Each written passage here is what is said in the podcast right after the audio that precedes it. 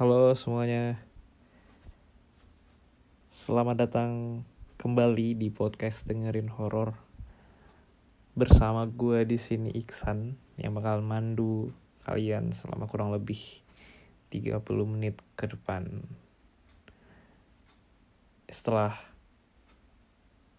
4 minggu kurang lebih gue nggak upload episode baru dan sekarang gue baru bikin episode baru.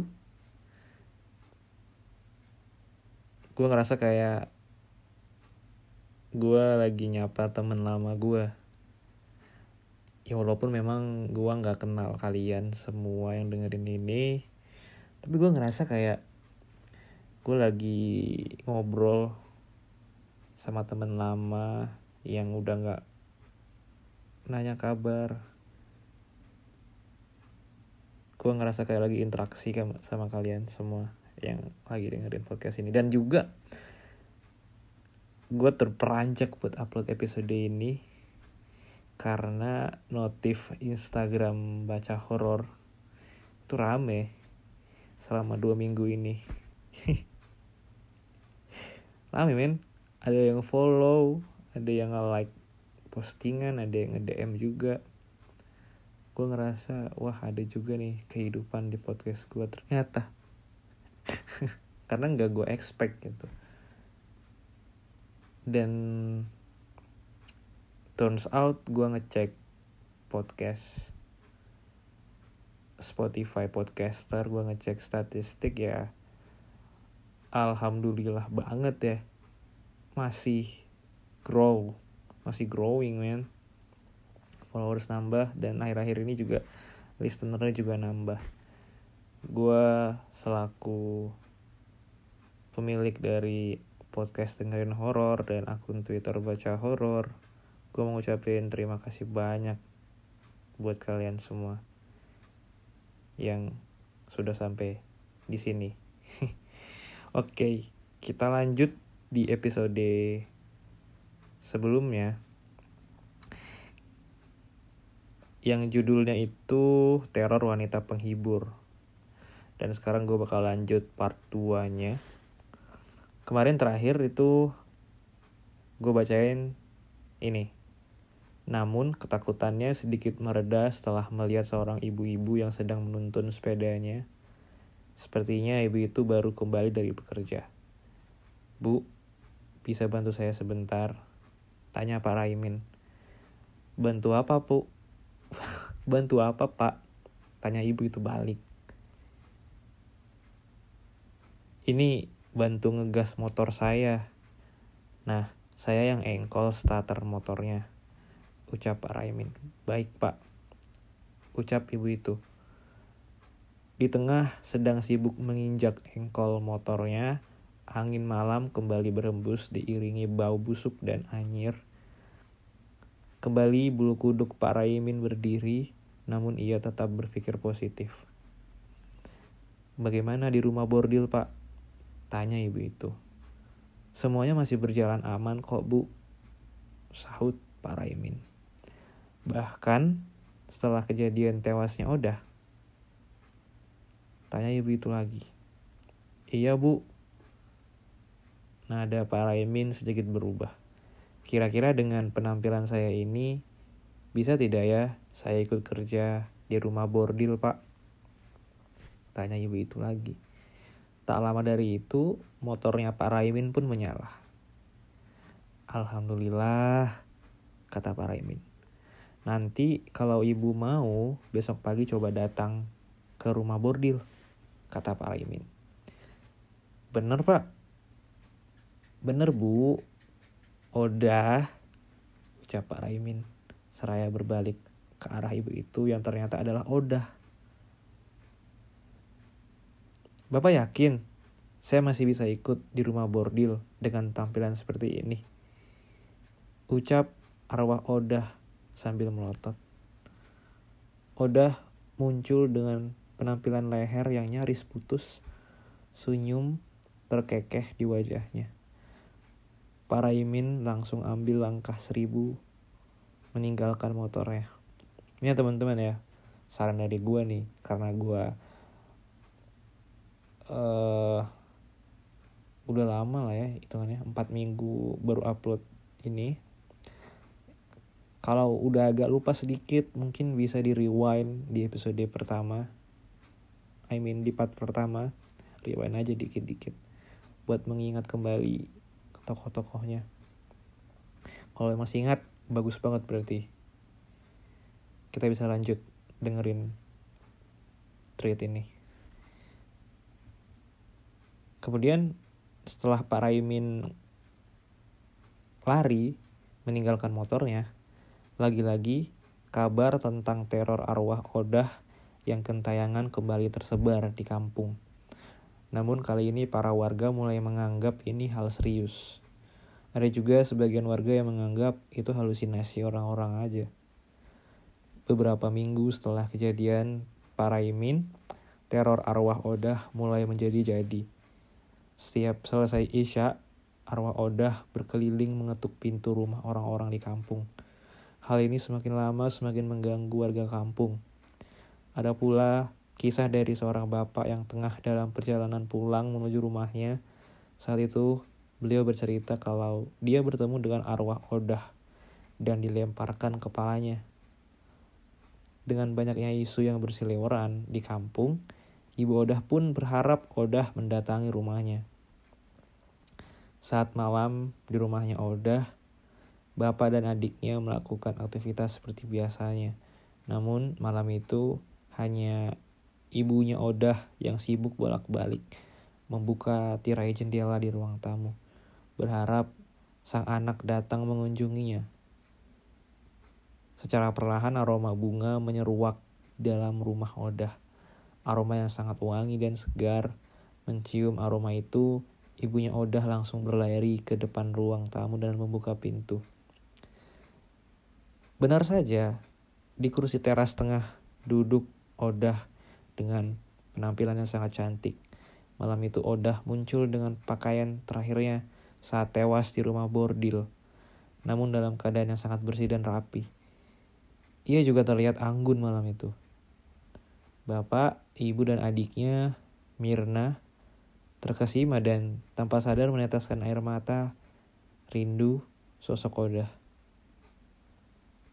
Neng, ibu bapak dan Mirna rindu sekali sama Neng, ucap ibunya. Odah juga rindu sama bapak, ibu dan Mirna, ucap Odah tersenyum. Ayo masuk sebentar, Neng, ucap bapaknya.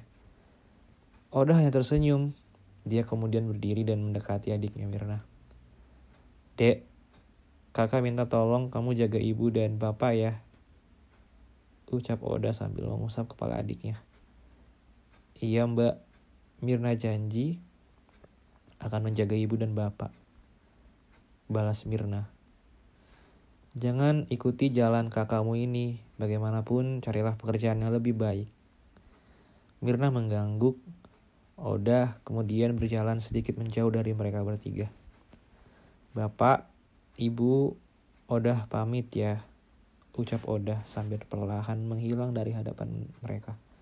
Tidak ada teror dari Oda malam itu, hanya ada isak tangis dari orang tua Oda dan adiknya. Dan dari sinilah pembalasan dendam Oda akhirnya dimulai. Seorang pria baru saja keluar dari rumah bordil dalam keadaan mabuk. Pria itu adalah salah satu pria yang terlibat dalam tragedi yang berakhir dengan kematian Oda. Namun, kok namun sih? Nama pria itu Arman, Malam itu kepalanya sangat berat sekali karena minum terlalu banyak. Ia berjalan sempoyongan menuju rumahnya. Di tengah perjalanan, Arman melihat sosok perempuan cantik dan melambai, seolah memanggil dirinya. Aroma wangi dari perempuan itu memanjakan hidung Arman. Tubuh yang molek dan wangi membuat Arman semakin tak sadarkan diri. Ia berjalan dengan cepat menuju perempuan itu, hingga saat semakin dekat, perempuan itu berubah wujud menjadi sosok tanpa kepala. Ternyata itu Oda. Aroma wangi langsung berubah menjadi bau anyir yang memuakkan. Melihat itu, Arman ketakutan dan berusaha berlari menjauh. Namun naas, Arman terpeleset. Ia terjatuh dengan posisi kepalanya menghantam sebuah batu yang ter, yang bersisi lumayan runcing. Malam itu Arman tewas dengan keadaan kepalanya yang bolong dan bola matanya nyaris keluar dari rongganya. Setelahnya Oda perlahan menghilang. Pagi harinya si isi kampung dihebohkan dengan penemuan mayat Arman. Ada yang menganggap itu kecelakaan dikarenakan bau alkohol yang kuat dari mulut Arman. Dan ada pula yang menganggap itu perbuatan Oda. Tak ada yang tahu, yang jelas peristiwa itu dianggap serius oleh warga. Malamnya, dua orang pria yang tersisa dan Wati sedang berada di rumah bordil. Mereka membicarakan kematian Arman yang mengenaskan. Apakah itu disebabkan oleh Oda? Ataukah memang murni kecelakaan? Daripada pusing lebih baik kita mabuk aja. Ucap seorang dari pria itu. Restu dan Sadiman, itulah nama dua orang pria itu. Tengah malam ya, mereka berdua beranjak dari rumah bordil dengan keadaan sepoyongan. Mereka pergi menuju rumah Pak Raimin untuk mengambil bayaran mereka sebagai penjaga rumah bordil. Man, man, tunggu bentar, aku kencing dulu. Ucap Restu sambil berjalan ke pinggir jalan. Ya, buruan. Ntar Pak Raiman keburu tidur. Ucap Sadiman.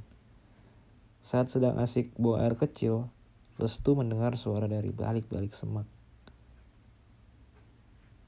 Balik semak-semak. Beda ya, kalau balik-balik semak kan beda ya, artinya. Kalau balik semak-semak baru bener. Nah, belum selesai menelaah suara apa itu, Tiba-tiba Restu merasakan sesuatu yang perih di kemaluannya. Ah, man, tolong man. Teriak Restu. Sadiman langsung berlari menuju Restu. Sadiman melihat ada sejenis cairan pekat di kemaluan Restu. Ternyata cairan itu merupakan cairan dari getah pohon yang jika terkena kulit manusia menyebabkan perih dan gatal. Anjir. Nas banget anjir. Belum juga bisa berbuat apa-apa untuk menolong Restu. Kepala Sadiman terkena hantaman sebuah batang pohon besar yang tak ma yang tak tahu datang dari mana. Darah membuncah dari kepala Sadiman diiringi dengan munculnya Odah dengan tampang seramnya. Di tangannya Odah menggenggam sebuah batu besar dan tanpa peringatan langsung menghantam kepala Sadiman dengan keras hingga menghancurkan batok kepalanya. Isi kepala Sadiman berceceran, matanya berserakan pula di jalan. Melihat pemandangan itu, Restu yang tengah tersungkur dan menahan sakit pun semakin ketakutan. Dah, Odah, ampuni aku, Odah. Ini semua rencananya si Wati, Odah. Ucap Restu seraya berharap belas kasihan. Di mana belas kasihanmu saat memperkosaku? Odah bertanya balik pada Restu. Belum juga mengeluarkan kalimat berikutnya, Odah langsung menghantamkan batu tadi ke kemaluan Restu dengan keras. Kemudian Restu teriak. Lagi-lagi Pagi harinya warga kampung geger dengan penemuan dua mayat dengan kondisi mengenaskan. Akhirnya kesimpulan warga ini memang perbuatan Odah yang menuntut balas dendam. Kini hanya tersisa Wati seorang diri. Semenjak tewasnya dua pemuda itu, Wati mulai dijauhi semua warga. Wati yang ketakutan dan gelisah akhirnya pergi ke rumah seorang dukun dan meminta jimat perlindungan. Setelah mendapatkan jimat itu, dirinya menjadi sedikit lebih tenang. Malam harinya, Wati seperti biasa di rumah bordil melanjutkan pekerjaannya. Malam itu, pelanggan Wati cukup ramai. Pelanggan dalam tanda kutip. Hingga ia sedikit terlalu dan melupakan tentang teror Oda. Saat sedang asik berhubungan badan dengan pelanggan, tiba-tiba bau anyir dan bau busuk memenuhi kamar Wati. Baunya sangat mengganggu hingga pelanggan Wati pun pergi dari kamarnya. Saat Wati sedang merapikan pakaiannya, tiba-tiba pintu kamarnya tertutup dan tertutup dengan keras dan terkunci. Seketika pikiran Wati dipenuhi dengan pikiran tentang Odah. Dan benar saja, sosok Odah muncul di tengah kamar Wati. Mau apa kamu Odah? Teriak Wati. Aku mau membalaskan dendamku kepadamu wanita biadab. Ucap arwah Odah. Kau memang pantas mati Odah karena sudah mencuri pelangganku. Balas Wati. Saat Odah melayan maju, Wati mengeluarkan jimat yang disimpannya. Oda langsung terpental seperti ada yang menghalanginya. Melihat itu Wati tertawa puas sambil berkata, Hahaha, kau tidak akan bisa menyakitiku. Pintu kamar pun terbuka dan Wati segera berlari keluar. Sampai di lantai bawah, Oda kembali muncul menghalangi jalan Wati. Kau masih mau menantang, Oda? Kau tak kau tak takut akan kubakar? Hah? Ucap Wati sombong. Arwah Oda hanya diam, tiba-tiba lampu di rumah burdil nyala, mati seperti tidak stabil. Seorang wanita tak dikenal tiba-tiba berlari ke arah Wati dan menyerangnya. Wanita itu ternyata dikendalikan oleh Oda. Wanita itu berusaha menusukkan gunting yang dipegangnya ke arah Wati. Wati menghindar sambil berkata, Edge, nggak kena. Nggak ya? Nggak ada kayak gitu. Nggak ada dialog kayak gitu. Wati menghindar. Kejadian itu membuat keributan. Seluruh penghuni rumah bordil pun berhamburan melihat Wati. Mereka kebingungan dengan kejadian itu. Wati diserang wanita tak dikenal, namun sambil meneriakkan nama Odah. Orang-orang berpikir bahwa itu perbuatan Oda. Dengan susah payah akhirnya Wati berhasil merebut gunting dari tangan wanita itu dan menjatuhkannya sampai pingsan. Bangsat kamu Oda. Kau akan hancur dan kukirim kau ke neraka malam ini. Teriak Wati. Wati semakin menggila mendengar keriuhan itu pula Beberapa tentara Jepang yang ada di rumah bordil malam itu keluar dari ruangannya. Melihat kondisi rumah yang berantakan dan Wati dengan gunting di tangannya, para tentara Jepang itu jadi berang dan sangat marah. Mereka langsung mendekati Wati dengan samurai di tangan masing-masing. Wati yang melihat itu pun langsung menodongkan gunting ke arah tentara Jepang itu. Terdengar tentara Jepang itu berteriak mengisyaratkan Wati harus membuang gunting itu.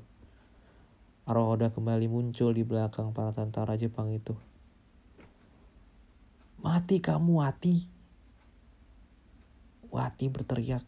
Saraya maju menerjang ke arah Orda. Maksudnya si ini ya, si siapa namanya? Oda, Oda.